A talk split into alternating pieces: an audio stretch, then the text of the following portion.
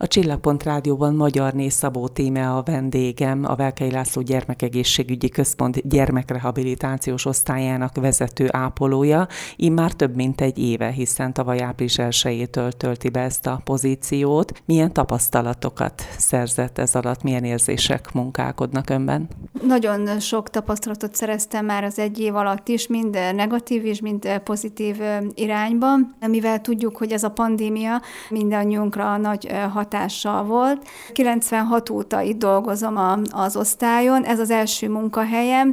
Már előtte is ugye én gyakorlaton voltam itt az osztályon, és már akkor megfogalmazódott bennem, hogy én ezekkel a gyerekekkel szeretnék foglalkozni, rajtuk szeretnék segíteni őket, ápolni, és a sors úgy hozta, hogy pont mikor elvégeztem a középiskolát, akkor volt itt felvétel, és tudtam ide jönni dolgozni, sose gondoltam volna, hogy én majd egyszer főnővér leszek. Amikor középiskolás voltam, én szerettem volna tovább tanulni, tehát főiskolára menni, de valamiért, tehát ez mégse jött össze. Elkezdtem itt dolgozni, és akkor innen mentem el Gyesre is, és akkor fogalmazódott meg bennem, hogy hát csak mégis szeretnék okályos vagy diplomás ápolónő lenni, továbbfejleszteni magamat, a tudásomat. Ebben ugye nagyon sokat támogattak itt az előző főnökeim, még dr. Szabó Elmese főorvosnő is, és ugye a közvetlen felettesem Dudás Károlni. Elvégeztem a gyes idő alatt a főiskolát, utána ugye visszajöttem ide dolgozni. Még akkor se fogalmazott bennem, hogy na most én azért végezem el, hogy én most itt egy főnővér legyek, csak mégis hogy fejleszem tehát szakmai tudásomat, mert már a főorvosnő idejében is, tehát akkor is írtam előadásokat, meg utána következő években is. És tehát a sors úgy hozta, hogy nyugdíjba ment a kezelős, akkor kezelős nővér lettem, mostani vezető Zaucki főorvosnő is, meg már a néhai Szabó főorvosnő is mindig azt mondta, hogy na majd akkor én leszek Dudi néninek az utódja. Hát én még akkor sem gondoltam ezt száz százalékra, hogy ez biztos így lesz, de a sors végül is csak így hozta, hogy én lettem. Örültem, mert tényleg, hogy tovább tudtam fejlődni, meg tehát nagyon sokat dolgoztam ugye azért a betegágy mellett, és azért tudtam a napi problémákat, gondokat, tehát a mai napig tehát hiányzik a betegek ápolása, de hogy most is ugye nővérhiányba szenvedünk, azért ha kell, tehát én megyek és segítek, vért veszek, ápolok, tehát segítek a lányoknak, kolléganőkkel, tehát nagyon jó a kapcsolatom. Remélem, hogy ez visszafele is így működik, meg nem csak a kolléganikkal, hanem az egész tehát gyermekrehabilitációs osztályon a team tagjaival.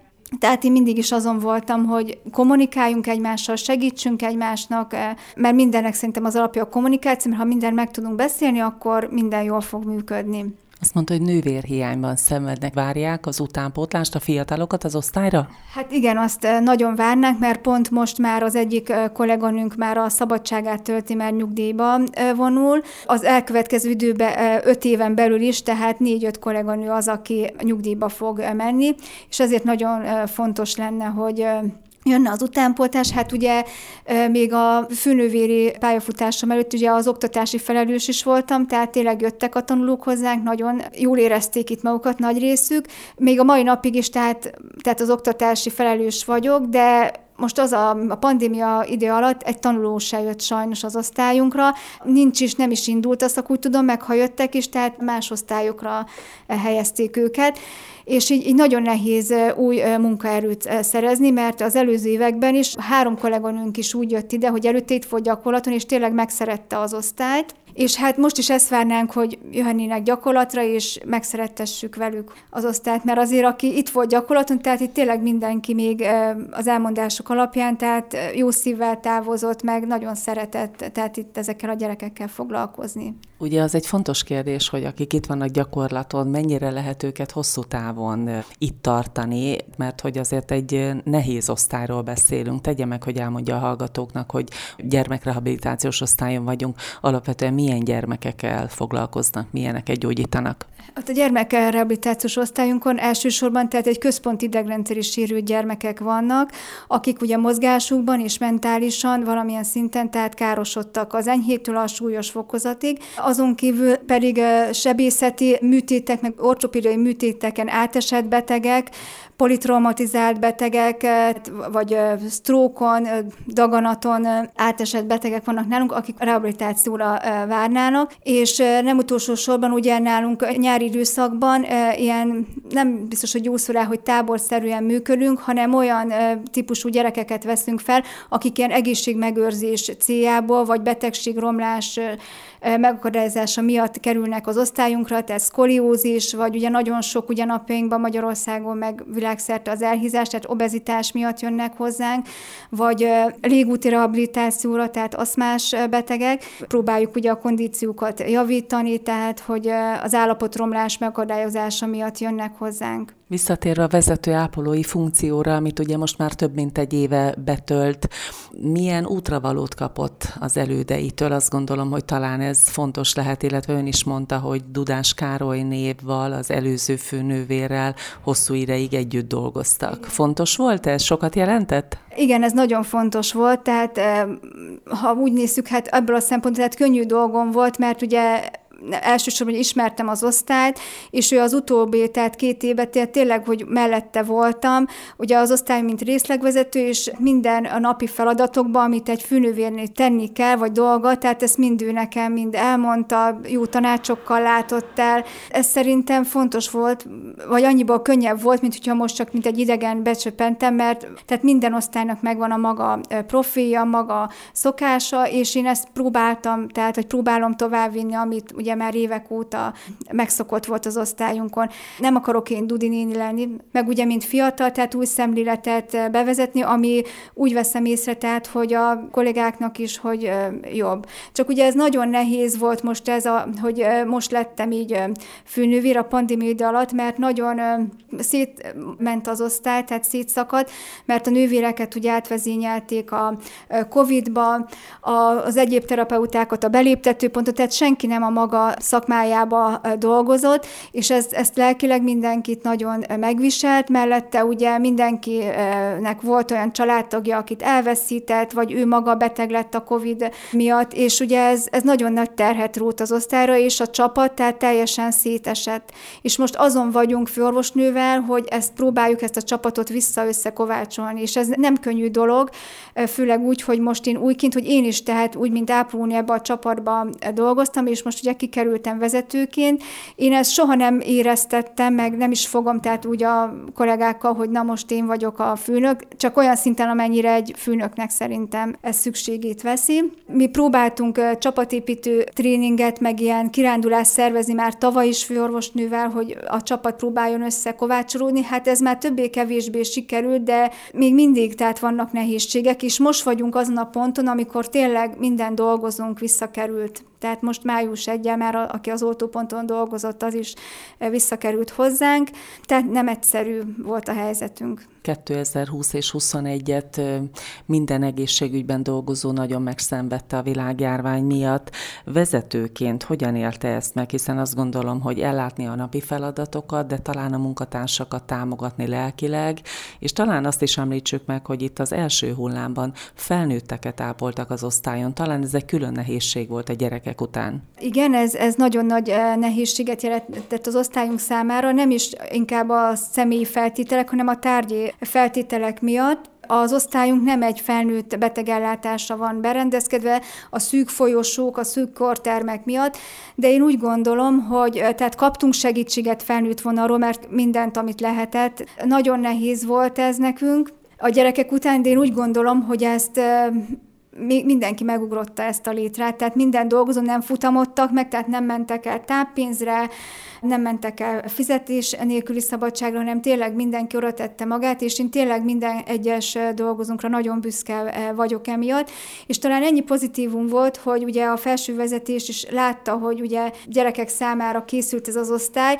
és így lehetőség nyílt, ugye pont jött, hogy a, a Nestlé a gyeknek adott támogatást, ezt a támogatást mi kaptuk meg az egy részét, a másik részét pedig a kórház hozzátette, és akkor így fel tudtuk újítani a, az osztályunkat, tehát komfortosítani tudtuk a kortermeket, két kortermünk lett, fürdőszobás, vécés korterem, a folyosók meg lettek szélesítve, és az ajtók, tehát így már sokkal könnyebb tehát közlekedni a kerekesszékekkel, a gyerekeknek, tehát komfortosabb, tágasabbak a helyek, tehát sokkal otthonosabb, tehát családiasabb a, a légkör nálunk, és úgy gondoljuk, hogy így a gyermekekkel a szülők is szívesebben jönnek, hogy saját korterembe, fürdőszobával ellátott helységbe tudnak rehabilitációra járni tőlünk a gyerekek. Én azt gondolom, hogy a COVID-nak valamennyi hulláma nagyon próbára tette az egyes betegellátó osztályokat, nyilván a gyermekrehabilitációs osztályt is, de most, hogyha végigmegyünk a folyosón az osztályon, akkor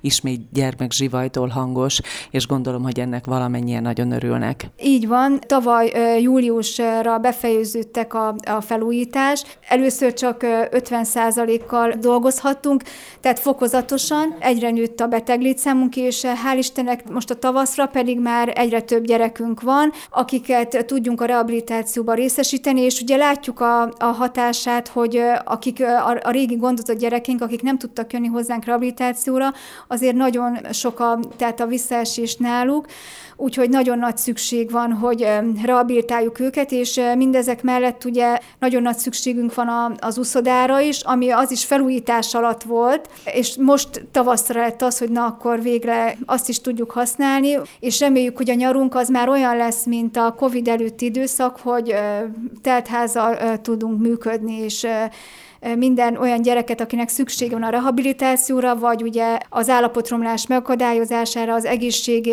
megőrzés fenntartására, akkor azokat tudjuk fogadni az osztályunkon és a nappali ellátásunkban. Talán sok hallgató nem tudja, hogy az osztályjal szorosan összefüggésben itt működik egy kórházi tagozat, a tízes számú Petőfi Sándor általános iskolának a kórházi tagozata, és innen az osztályról nagyon sok gyerek ott teljesíti a tanulmányi kötelezettségeit. Gondolom, hogy az iskolának a működése is nagyon hiányzott itt a Covid időszakban. Igen, nagyon hiányzott. Akik ide járnak állandó gyerekek a kórházi tagozati iskolában, nagyon nehéz volt megoldani, mert ezek közül nagyon sokan hátrányos helyzetben vannak, rossz szociális körülmények között élnek, és ugye nagyon nehéz volt ugye megoldani, mert ugye nekünk szoros kapcsolat van az iskolával, hogy akkor most ők hogy fognak tovább tanulni, amikor az online oktatás volt és ugye nagyon sok gyerek ugye le is maradt az iskolából, meg emiatt még évet is kellett ismételni, mert nem tudták megoldani a, az oktatásukat online. Újra, tehát ez beindult. Ez nagyon jó ez az iskola, mert ugye aki például egy stroke után, tehát felépülőbe van,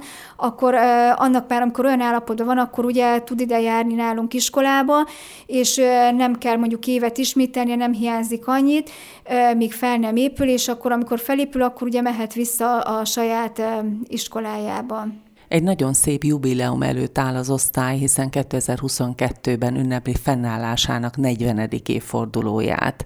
Hogyan készülnek erre a neves alkalomra? Ez így van, az idén e, leszünk 40 évesek, és erre az alkalomra egy e, tehát kongresszussal készülünk, amelyet szeptemberben fog megrendezésre kerülni. Egy pontszerző, tehát mind orvosok és szakdolgozók e, részére. A dolgozóink meg külsősök is, tehát előadásokkal készülnek amelyre most itt mindenkit tehát nagyon sok szeretettel várunk, de ez majd meg is lesz hirdetve, és mindezek mellett majd Szeretnénk tehát az osztály dolgozóit is jutalmazni, hogy egy kirándulás, vagy tehát lesz egy ilyen csapatépítés, de ezt itt most nem szeretném elmondani, hogy a dolgozóknak ez majd meglepetés legyen. Eddig alapvetően azért a munkáról beszélgettünk, illetve a vezetői ápolói teendőkről, de én azért azt gondolom, hogy délután eljön az az idő minden nap, amikor ön is bezárja maga mögött az iroda ajtót, hogyan töltődik, hogyan pihen, hogyan rekreálódik otthon, hogyan tud feltöltődni töltődni egyik napról a másikra? A gyermekeim töltenek fel, családanya vagyok, de az biztos, hogy tehát engem bármikor tehát tudnak hívni. Hazamegyek, ugye bezárom magam mögött itt az ajtót, de otthon is engem bármikor, bármi problémával felhívhatnak, és ha tudok, akkor segítek, mert úgy gondolom, tehát, hogy egy vezetőnek nincsen, hogy na csak otthon, tehát otthoniról is helyt kell állni, ha bármi probléma fellép. Családi házban lakunk, és nagyon szeretek tehát kint a kertbe kertészkedni, és hogy a legtöbb időmet, tehát hogy a családommal és a gyerekeimmel tölteni. A lányom is gyógytornásznak tanul, most negyedéves a Miskolc Egyetemen. Nem ilyen szándékai voltak, de valahogy mégis erre sodorta az élet. Nagyon szereti is, tehát nagyon tetszik neki ez a szakma. Nagyon sokat szoktunk együtt tehát erről beszélni. A fiam ő 15 éves, ő pedig most kezdte a gimnáziumot. Nagyon szeret sportolni, tehát a sport irányába szeretne majd mozdulni, de hát ez még majd a jövő zenéje, hogy végül is kiből mi, mi lesz. Akkor ezek szerint a lánya révén némileg alakul az utánpótlás. Hát igen, tehát, és nagyon szereti, tehát mind a, tehát a betegeket is, hogy jár gyakorlatra, és tehát nagyon szereti ezt a szakmát. Mondta, hogy nem bánta meg, hogy tényleg egy kicsit erre terelgettem de mindazok mellett tehát ő a nyelvet is nagyon ö, szereti. Úgy gondolom, hogy a kettő együtt, hogy ő egy, ha egy gyógytornász lesz, meg van egy nyelvtudás azért az életbe, tehát valamerre el fog tudni indulni. Sok szerencsét neki is, illetve az édesanyjának is. A Csillagpont Rádióban Magyar Néz Szabó témát hallották, aki már több mint egy éve a gyermekrehabilitációs osztály vezető ápolója. További sok sikert a munkájához. Nagyon szépen köszönöm.